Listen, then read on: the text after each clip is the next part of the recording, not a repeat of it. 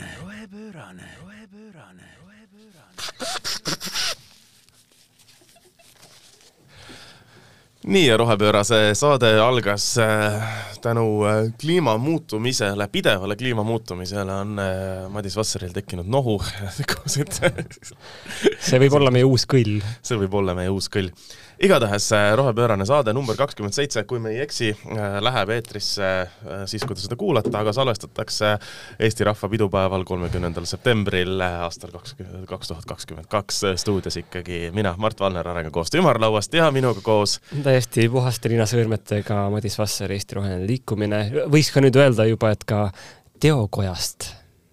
oo, mis on teokoda no sinna me jõuame, aga okay., aga Al. oota, alusta, alustame sellest, et mis on, miks Eesti Rahva pidupäev, sest et ja. äh, täna võeti vastu siis see, see elektrivõrgu universaalpakett äh, hinnaga, mis veel lõplikult äh, ei ole selge, sest et siin lisandub äh, mõistlik äh, kasum ja, ja kõik muud asjad, aga midagi võeti vastu mingisuguse hinnaga, millele midagi lisandub ja ka toetus väheneb. täpsemalt öeldes midagi võeti vastu, millel tuleb mingi hind, mis hakkab muutuma, mis on natuke sarnane börsipakettidele kus sul on hind, mis muutub, aga ei, see on hoopis teine teema.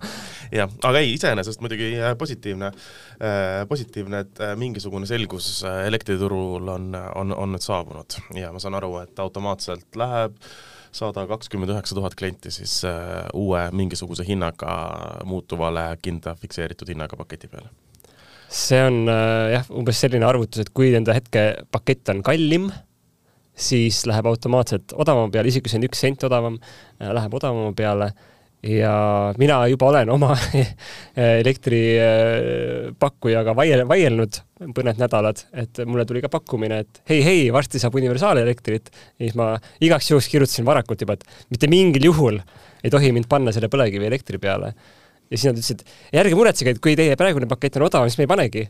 no siis ma hakkasin mure, muretsema, et ma ei tea, mis see hind tuleb, on ju, äkki tuleb siga odav. et siis ikkagi pannakse, et, et ka, kuidas ma saan nagu mitte minna sinna peale, kas mul on võimalus, kas mingisugused nagu, kas inimesel on jäetud üldse valikut ja siis äh, ma loodan, et ma nüüd jaurasin piisavalt, et nad on pannud minust kuskil märgikese teinud Excelisse, et seda, seda klienti ei tohi üle viia. minu meelest see peaks ikka valik olema, et kui sa ei taha, sa või tahad oma praeguse paketiga jätkata ja nii edasi, et äh, see ei, ei tohiks kui sa loed oma kirju õigel ajal, siis sa jõuad reageerida, aga automaatselt on see, et laksti ärkad ühed hommikul ja vaatad, et äh, miks sinu radikas tuleb äh, tossu välja, siis see on sellepärast, et see on nüüd põlevkivielekter. oota, aga nii, läheme siis ka selle teema juurde, Madis Vasser, miks sa väidad, et see on ainult põlevkivielekter?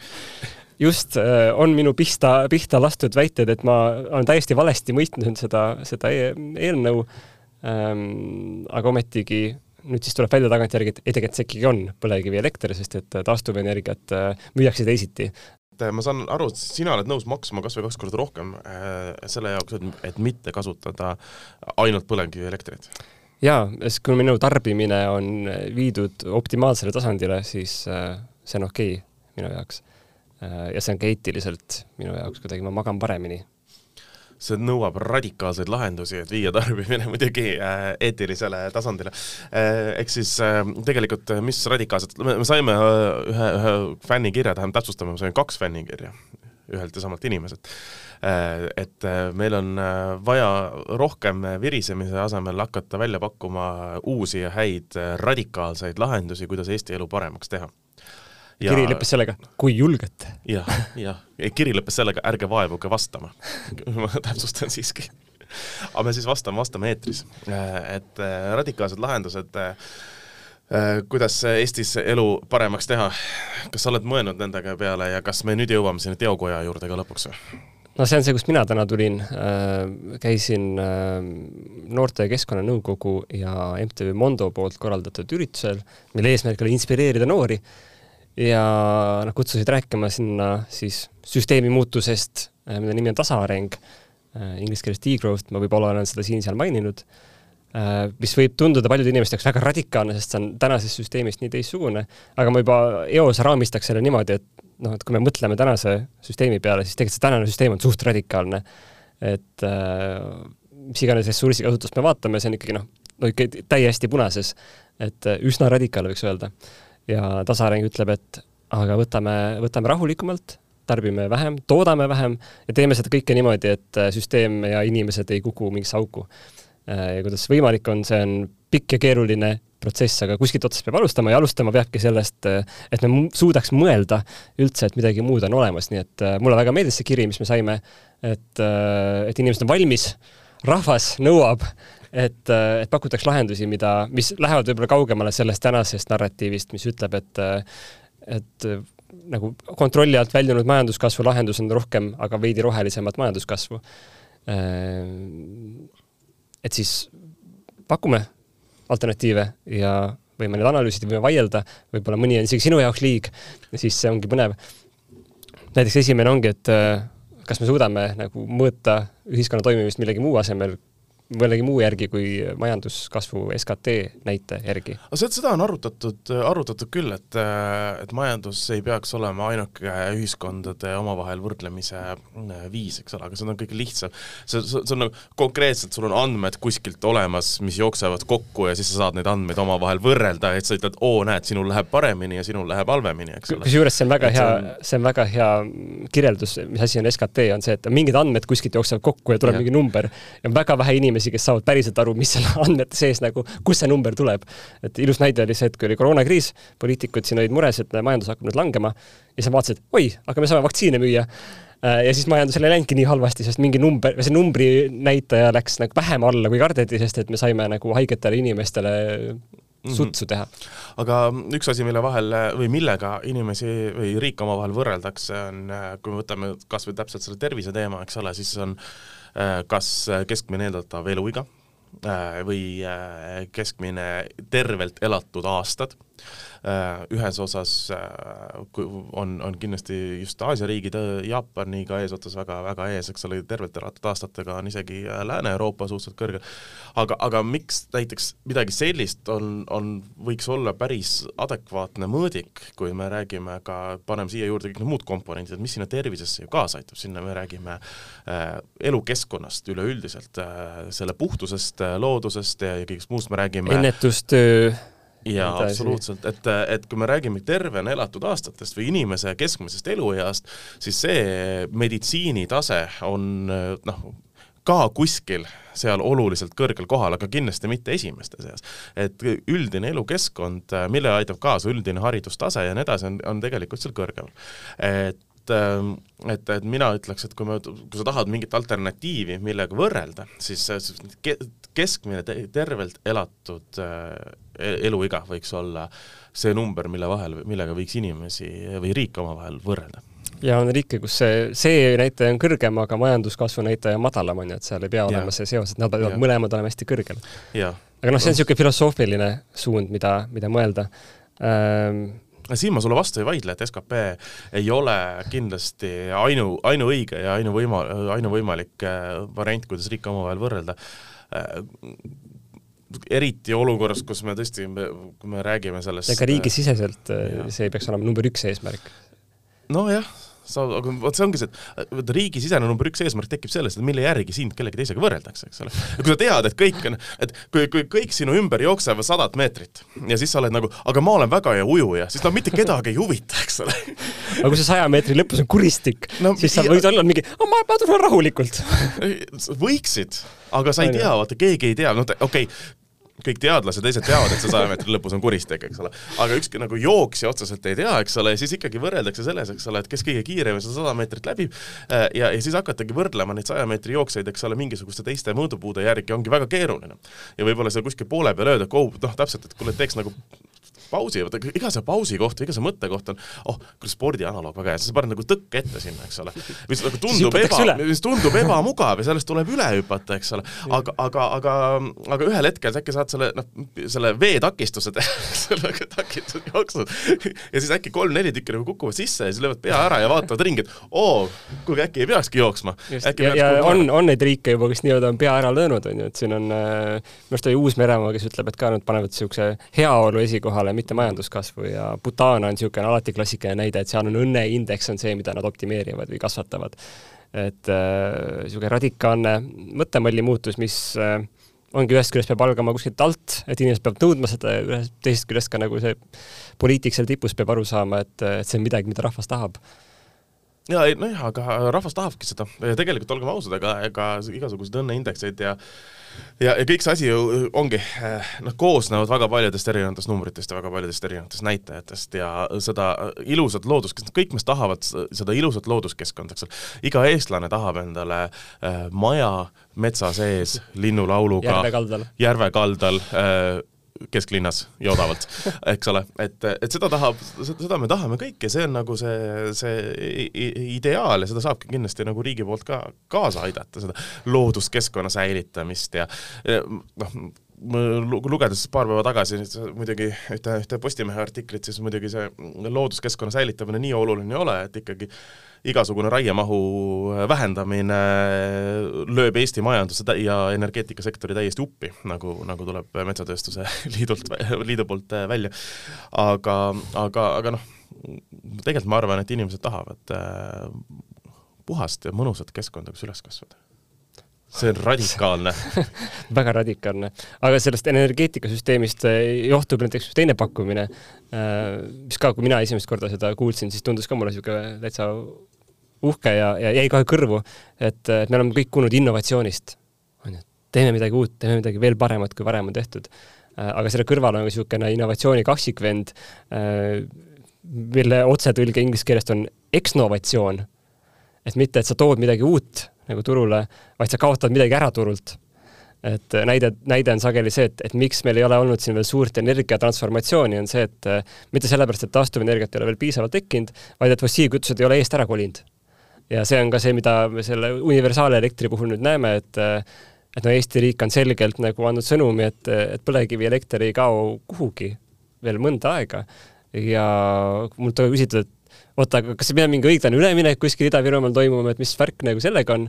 minu sisetunne on see, et, et sellele on nüüd antud ikkagi korralikult jalaga, et äh, ma arvan, et kui nüüd mõne kohaliku käest küsida, et mis sa arvad põlevkivisektori tulevikust, nad ütlevad mingi noh, nagu me näeme, forever ja aga samas, samas äh, kaks tuhat kolmkümmend äh, MKM-i plaan, eks ole, taastuvenergiaga täita, taastuvenergiaga katta kogu Eesti see energiatarbimine no. aastaks kaks tuhat kolmkümmend. ja siis põlevkivielektrit saad eksportida. jah, see, see on muidugi see lisavariant, eks ole aga, aga see on väga skisofreeniline olukord loomulikult, et toetada põlevkivielektrit ja samal ajal võtta endale eesmärgiks siis, siis ma ei, ma ei, ma ei kujuta ette, kui palju tuulikuid selle kaheksa aastaga püsti panna, eks ole mm. -hmm. ja seal on, ongi jällegi ma juba kuulen, kuidas mõne ministri mõni nõunik siin krõbistab juba vastust, et aga see on ajutine, see on ajutine, ainult neli aastat on ju, ainult see üks pikk talv, nagu me rääkisime eelmine kord. et äh, et jah, see on, see on nagu see praegune meede on neli aastat, et siis leida järgmine vabandus. ma kardan, et ma olen nii kibestunud juba, et ma näen seda sellistes toonides, et äh, küll nelja aasta pärast leidub uus põhjus, miks ikkagi nagu ei saa neid vananevaid ja logisevaid äh, põlevkivijaamu ikkagi kinni panna. nelja aasta pärast öeldakse, aga me teeme ettevalmistusi selleks, et me ehitaksime tuumajaama ja senimaani, kuni me tuumajaama valmis saame, senimaani me võiksime ikkagi kasutada põlevkivienergiat. me peame hoidma, me peame hoidma seda su suurt keskset nagu see on ikkagi juhitud, juhitud äh, tootmine, eks ole. jah, nagu see Auvere on nüüd poolteist kuud juhitult äh, seisab. Väga hea. Suurepärane, samal ajal kui tu, nagu tuulepargid vahepeal töötavad aeglasemalt, vahepeal kiiremini, aga nad nagu päris shutdown'i sageli ei lähe või kõik tuulikud korraga nagu ei lähe, aga noh, see on semantika küsimus, et mis mhm. on siis juhitud ja mis mitte. aga see ongi see te tegelikult ju taastuvenergia peamine diskussioon, või no mitte, mitte taastuvenergia peamine diskussiooni kohta, aga aga üks nagu suuri etteheiteid, üks, üks asju, üks põhjendusi, mida tuuakse, aga vaadake, et meil on seal jaanuarikuus, eks ole, need neli päeva, kus ei ole päikest ja tuult, et meil ei ole mõtet üldse seda süsteemi üles ehitada, kui meil ei ole ikkagi nendel neljal päeval nagu katet, eks ole. ja samal ajal on kõik välisühendused on katki. Kindlasti. ja, ja ühtegi elektroni kuskilt ei liigu mm. -hmm siis on hea selle nelja, neljaks päevaks see tuumajaam. jah, jah. aga, aga, aga sa kuulad seda, seda, seda, seda põhjendust ja mõtled, et nagu tegelikult, nagu aga kõik, mõelge kõikide nende ülejäänud päevade peale, eks ülejäänud päevadel on elektrit. ja see on nii tobe nüüd, äh, kui selle universaalelektri peale minna, siis äh, kõik need ülejäänud päevad ja, ja see võib ju täitsa juhtuda, et nüüd massiliselt ju taastuvenergiat jällegi ehitatakse juurde, et kui sa istud oma põlevkivielektri otsas, mis oli sada viiskümmend neli eurot megavati kohta vist see hetkehind, mis muutub mis, varsti ja tõuseb. Äh, kasum. ja ilmselgelt tõuseb, sest CO2 hind tõuseb, see noh, on nii oh.. et siis samal ajal sa istud oma selle sada viiskümmend pluss elektri otsas ja vaatad, kuidas börsi peal on see taastuvenergia hind on seal kaks euri ja ja siis sina vaatad, et kui tore oleks ja. olnud mitte libastuda või noh, automaatselt, et sind pandi mingi teise ploki peale Ehm, no need, need olukorrad tulevad, inimesed saavad aru, et oota, mis tünga mulle just tehti ja siis need äh, ministrid ikka ütlevad, et see pidupäev oli väga hea ja. kellelegi, kellelegi, Eesti Energiale kindlasti. Eesti Energia kasutus, see on muidugi äh, noh ol,, ol, olge, ma saan väga hästi aru, mille pärast ühiskondlikule sellisele õiglustundele selliste hindade juures ja sellises olukorras, kus inimesed räägivad, et mul tegelikult ka ei ole nagu raha, et oma energiaarveid maksta, siis tuleb kasum, kasum, kasum, aga see on kõik nagu noh, tead, riik tellis ja riigi teha ja meil ei ole midagi siin peale hakata, eks. et äh, see, see hakkab tohutult, tohutult õigustundele pihta. ja aga, aga teine asi, kui me räägime ma arvan, et see on vale, hästi palju räägitakse praegu ikkagi sellest ka, eks ole, et kas riik võiks kompenseerida või äh, kogu selle CO2 kvooti mm. -hmm. Ähm, mis muidugi noh, tekitab selle olukorra, et et ettevõtete jaoks on nagu ah, noh, mingi, mingi asi, mis on nagu muidu pandud peale selle jaoks, et nad tootmist või CO2 vähendaksid, et see, et seda nagu ei eksisteeri, et mingit motiivi neil ei ole. ettevõtted kannaks selle kulu, on ju, et see läheks neile järjest kallimaks. jah mis tegelikult tähendab selle tarbijale järjest kallimaks, siis hakkab riik seda kompenseerima antud olukorras, võib-olla hakkab, eks ole, ja nii edasi et.... või tarbija liigub äh, puhtama elektritootmise peale, nii et ta ei pea, ta ei peaks aga ta ei liigu, kui riik kompenseerib seda, seda, sinna ma tahangi jõuda. me, me ei, me ei liigu, me ei saa seda innovatsiooni kuidagi teha, kui me kompenseerime selle, et me käitume samamoodi, nagu me enne käitusime edasi, eks. kui me kogu selle jama, millest me tahame lahti saada, me lihtsalt äh, riiklikult ikkagi meie oma rahadega kompenseerime seda. asi on nüüd veel hullem, sest nüüd, kui sa oled liikunud liikunud kuhugi rohelise paketi peale, siis oma maksudest ikka kompenseerid seda põlevkivi. absoluutselt, eks ole. ja siis rääkida, et tegelikult, äh, et, et taastuvenergia on kasumlik ainult sellepärast, et seal on mingid subsiidiumid peal, tegelikult kui palju me subsideerime, eks ole, fossiilkütuseid maailmas on kordades ja kordades rohkem taastuvenergia on palju odavam ja ka majanduslikult palju odavam. kola, kolan oma ajus õppides, et üks Riigikontrolli raport selle väga ilusti tõi välja mingi ajavahemiku vahel, äkki oli noh, umbes kaks tuhat kümme kuni kaks tuhat midagi. et seal oli aastas põlevkivisektorile subsiidiumid äkki sada nelikümmend kaks miljonit eurot. Äh, et iga aasta nagu see Eesti Energia kasum jutumärkides oli siis mingi sada äkki miljonit eurot, et siis seda tuleb lugeda niimoodi, et kahjum oli ainult nelikümmend kaks miljonit eurot yeah., mida, mida riik sai et see on, see on hästi kummaline olukord. Äh, energiaturg on kindlasti nagu täiesti segi löödud. Äh, inimesed ei saa täpselt aru nagu, mis toimub. Ehm, nende teadmata mingid muutused toimuvad, nad hakkavad saama võib-olla nüüd nagu veel suuremaid arveid, sellepärast et äh, börsilt läks ära põlevkivielekter, mis tähendab, seal on vähem elektrit ja nemad istuvad siis selle fikseeritud ja ma arvan, et poliitikute suureks pahameeleks võrdlemisi kalli elektri peal, kui me vaatame paari ta aasta tagust äh, hinda näiteks. kui vaatame paari aasta tagust, kus kesk-, me, me rääkisime ikkagi ju noh, oli kakskümmend oli ütleme keskmine kohut oli, kakskümmend viis oli juba kohutav. kakskümmend viis oli juba kohutav, eks ole, selles meie noh, paar aastat tagasi, ka poolteist aastat tagasi ütleme, oli täiesti ju selgelt äh, kakskümmend viis oli ikkagi juba väga kõrge elektri hind jah, et, et praegu nagu panus pandud selle peale, et riik ei tee midagi, et seda nagu üldist hinda kuidagi alla saada ja pigem siis äh, sekkus nüüd äh, meetmega, millele nad ise väidavad, et ei ole mingit mõju mitte millelegi, et lihtsalt see on ajutine niisugune väike quick fix, plaaster. jaa, aga samal ajal, me, me oleme selle üle ka sinuga diskuteerinud loomulikult, ma saan aru seda, et riik peab ka tooma mingisuguse, mingisugust toetust, sul on sotsiaaltoetust vaja, sa ei saa äh, pika, pika plaaniga edasi vaadates lasta noh, nii-öelda näitlikult, eks ole, inimestel ära külmuda oma kodus kanna rohkem kampsunit, ma tean, tuleb sinu järgmine radikaalne ettekanne. Soojenda inimest, mitte tuba. ei, ei, ei, mul tuleb, äh, tuleb meelde siin äh, eelmise nädala või selle nädala ajalooline sündmus, see oli eelmisest nädalast, kui äh, peaminister julges välja öelda telekas, et mõnikord elekter võib ära kaduda ja. ja no see šokk, mis sealt vallandus, et mingi, mida? mõnikord võib elekter kaduda, et inimesed läksid täiesti paanikasse. Äh, minu arust see oli nagu õige sõnum, sest et elekter mõnikord võib ära kaduda, äh, ükskõik mis põhjustel, ja selleks on hea, kui inimesed on äh, valmistunud ja läbi mõelnud, mis on nende, kus nende kampsunid on põhimõtteliselt, et, et ei oleks sellist külmumist läbi selle, et keegi ei ole sulle kunagi maininud, et elekter võib mõnikord ära kaduda ja siis sa oled nagu täis elektrikütte peal ja siis elekter kaob ära. on ju, et see on see loll olukord ja see oli minu jaoks väga hämmastav, kuidas mitmed poliitikud siis hakkasid äh, siunama seda sõnumit, et nii ei tohi öelda, on ju, inimesed hakkavad muretsema äh, on ju, kartma enne kui kahetsema või ma ei tea, mis see probleem neil oli, nad tahtsid lihtsalt poliitilisi punkte saada vist, aga minu jaoks see oli hästi nõme et niisugust äh, ülimõistlikku sõnumit, mida ka, nagu Päästeamet on aastakümneid üritanud inimestele selgitada, nüüd see nagu kuidagi sai kõlapinda ja kohe hakati materdama, et mis asja, elekter ei kao kunagi ära. no kommunikatsiooniliselt see tegevus võib-olla jäi inimestele ette ja, ja ma ei ole ka kindel, kas, kas ma seda kogu selle äh, teeme nüüd erakorralise peaministri pöördumise peale AK-d äh, ja nii edasi, kas see, see sellisena üles ehitatuna oli nüüd hea plaan ma saan, inimesed on hästi pahased, inimesed on hästi pahased sellepärast, et elekter ei kadunud ära. Vaata, kui selle, kui pärast seda, kui meil oleks olnud järgmine, kui meil oleks olnud järgmine päev või, või sellest kolm tundi hiljem olnud nagu neljatunnine elektrikatkestus, oleks oh, aitäh, Kaja, et sa meile ette ütlesid, me nüüd valmistusime ta-ta-ta, eks ole, kõik oleks olnud noh, nii rahul, et näed, niisugune hoiatus tuli valitsuse poolt, aga see ei kadunud ära meil ei juhtunud, me hoiatasime katastroofi eest, aga näed, ei juhtunud katastroofi, nüüd on kõik pahased, miks sa hoiatasid üldse, eks ole. et äh, naine, kes karjus hunti ja siis hunti ei tulnud. no täpselt, aga ei, ma arvan, et seal oleks saanud kommunikatsiooniliselt natuke paremini teha.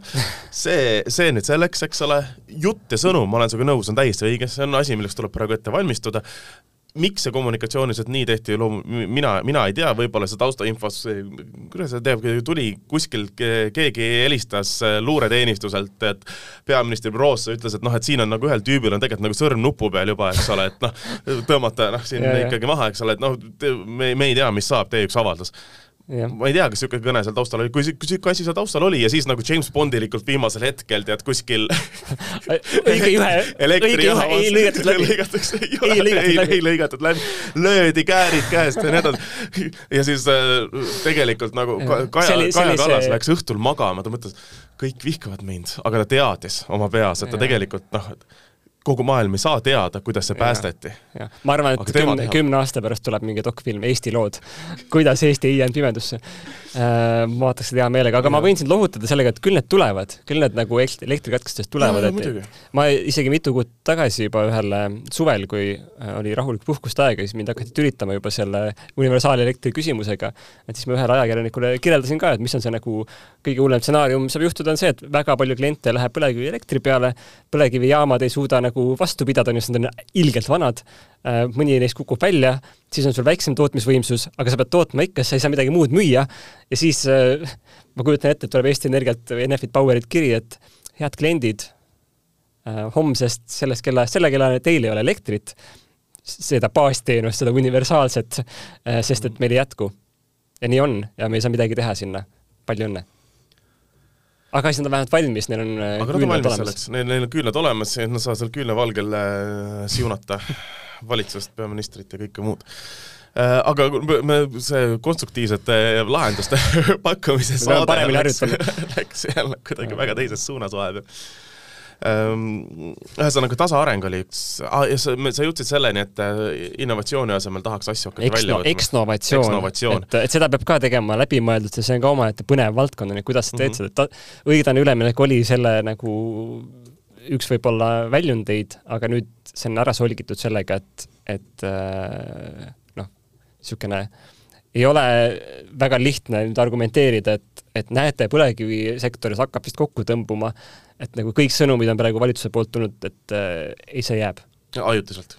ajutiselt äh, nii kaua, kui äh, on vaja jah, jah, see on kõik ajutus, me ikkagi Kuni, ma, ma rõhutan, et nagu Andrus Ansip on öelnud, nii kaua, kui põlevkivi otsa saab mm -hmm. Eestist, mis on minu arvates ka vale, sest tegelikult saab seda ju juurde importida. jah, ei no mina, ma võin sulle praegu öelda. Hiinast! me võime seda saadet kuulata kahekümne seitsme aasta pärast, aga ma ütlen sulle, et põlevkivijaamad pannakse kinni kaks tuhat nelikümmend üheksa aasta novembrikuus see on hea panus, see on hea panus siis. ma ütleks, et suhteliselt äh, no jah, kui, kui mõnda uut vahepeal ehitada, siis lagunevad võib-olla natuke varem laiali, aga mm, -hmm.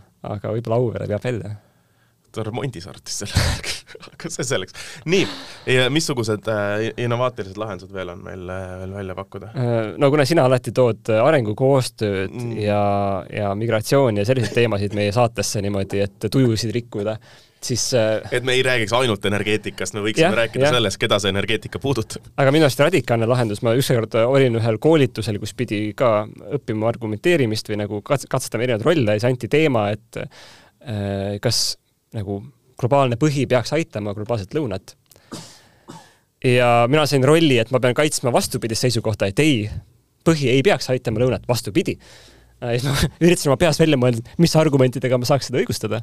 ja, ja ma mõtlesin välja no,. ja nüüd on see radikaalne mõte, et ongi nagu globaalne lõuna on juba väga palju kogenud seda, et mida radikaalne kliimamuutus neile teeb. sa isegi võib-olla käisid Fidžil ja nägid seda Ähm, ja tegelikult nemad saavad õpetada seda globaalset põhja, kus asi ei ole veel nii hulluks läinud, aga varsti läheb, et siis nagu see nagu teabe liikumine peab käima lõunast põhja selles mõttes, meie võime anda neile seda raha, mida me oleme lubanud ja ei anna.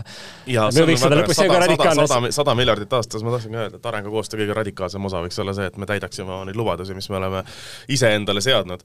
on see arengukoostöö rahastus riikides üleüldiselt või on see kliimamuutustega rahastus, mis, mis, mis peaks tegelema kliimamuutustega, mis noh, kumbagi me ei täida.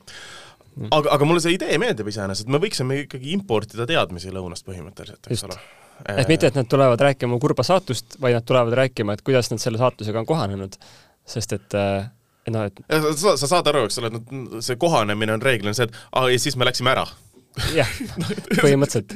et, et selles suhtes ja et, et toome siia eksperdid, kes ei lähegi tagasi natuke aitame seda ma tahaks jõuda, et, et me ei pea, noh, me mõned aastad veel ootama, aga varsti need eksperdid tulevad ise tulevad ise, sellepärast et lihtsalt no, no sorry, aga lihtsalt kui sa ei saa kodus elada, siis, siis sul ei ole midagi muud teha, me oleme rääkinud siin selles, et kliimamuutuste üks suuremaid probleeme on see ränne, mis seetõttu tekib, eks ole jah, jah. Ähm, ja et see, see mõte ei ole meil lõpuni läbi mõeldud mm, -hmm. ma tunnistan, aga, aga tõesti, seal on kindlasti ka äh, mingeid piirkondi, mis ei ole veel täiesti elamiskõlbmatud, et seal, et kuidas seal inimesed hakkama saavad, noh näiteks äh, mäletan, mingi BBC äh, dokumentaal oli sellest, kuidas nad käisid ka, ma ei tea, kuskil Afganistanis ja nende põhiprobleem oli see, et nad ei saanud filmida seal midagi, sest viiekümne kraadises kuumuses kõik kaamerad kuumenesid üle, mhm. on ju, nad ei olnud valmistunud selleks, nad ei teadnud, mida oodata, nad ei osanud elada seal. kuidas see käib, peab peab arenema ja õppima. ma arvan, et see on, see on üks äärmiselt hea mõte. Kindlasti me saaksime nende eest, nende käest veel kuidagi raha küsida selle eest. või kui neil raha ole, siis maavarasid näiteks. Oleks, oleks, oleks ka üks, üks hea variant, nad võiksid näidata neid maavarasid meile, millega me saaksime toota midagi või kasutada või mis iganes.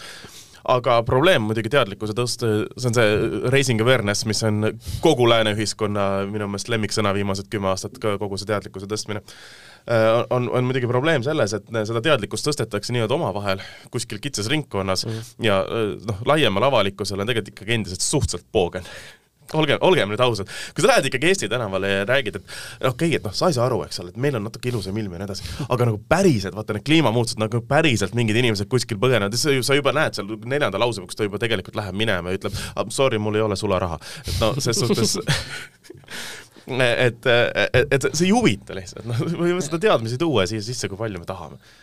aga nüüd ongi unikaalne aeg, sest see talv inimesi hakkab huvitama väga, kust see energia tuleb ja kuidas sooja saada. energia tuleb seinast kuniks ta ei tule ja siis äh, ma arvan, et see on üks praktiline ja võib-olla nagu paljudele kõrgtehnoloogia inimeste radikaalne ongi see, et, et mis on need lihttehnoloogia lahendused, mida juba see talvel saaks kasutada.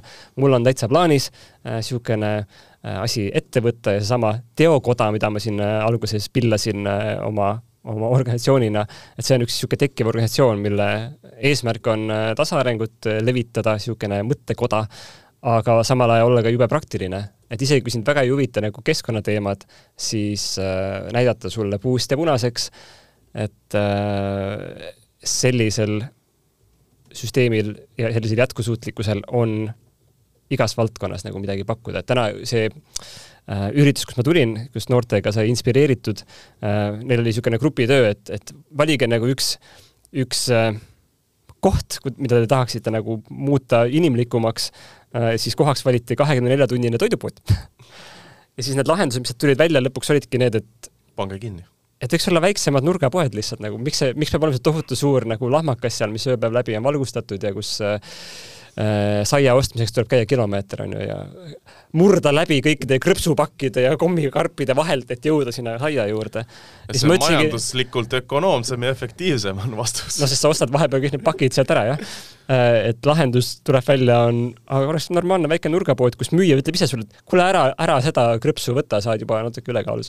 on ju, väga personaalne lähenemine, võib-olla see krõpsupakk on mingi paar senti kallim, aga noh, see teenindus seal on mega, väga personaalne noh, niisugune, niisugune mõte siia lõpupoole, et äh, jätan siia ühe sõna, et äh, väga radikaalne sõna on glokalism, mis on, ütleb, et ideed võivad olla lokaalsed, globaalsed mm, -hmm. on ju, ideed on kerged, liiguvad üle õhu äh,, aga niisugune raskem tootmine võiks olla võimalikult lokaalne, siis sa näed ise, mis selle mõju on ja siis sa võib-olla mõtled kaks korda, kui sa hakkad päiksepaneeli tootma, sest sa näed selle mõju, sa näed, kui põlevkivi oleks ka üle terve Eesti, siis me võib-olla ka ei oleks nii õnnelikud, et äh, kuni niikaua, kui see to-, toimub seal kuskil Ida-Virumaal, on ju, tallinlastel on väga fine, aga kui see oleks siin Tallinna külje all, siis, äh, siis võib-olla samamoodi tuleksid Keskkonnaministeeriumile ka Tallinnast need äh, raportid igapäevaselt, et noh, hais on, hais on talumatu, on ju, millal see lõpeb, kaua võib ja laske meil hingata, noh no varsti, varsti äkki saame seda Tallinnas proovida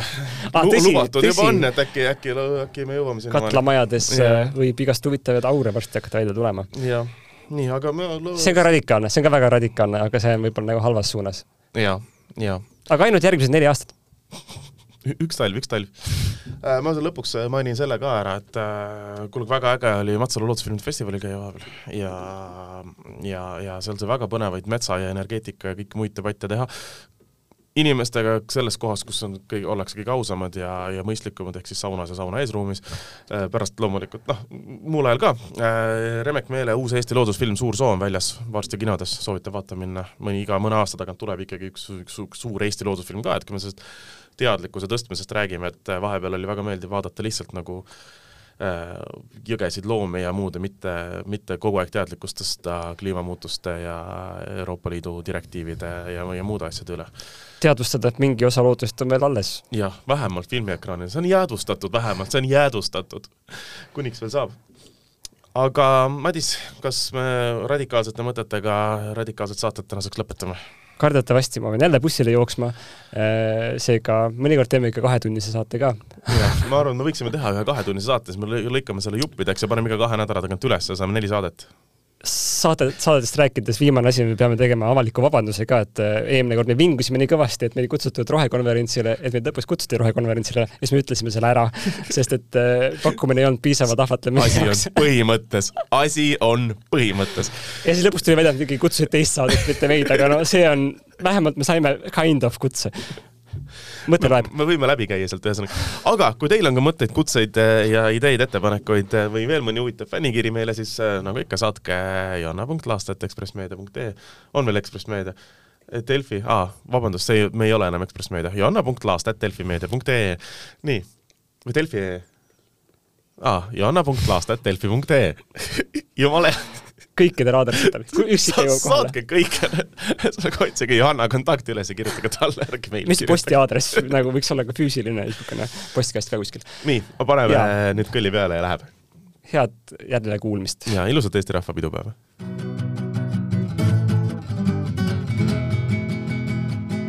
rohepöörane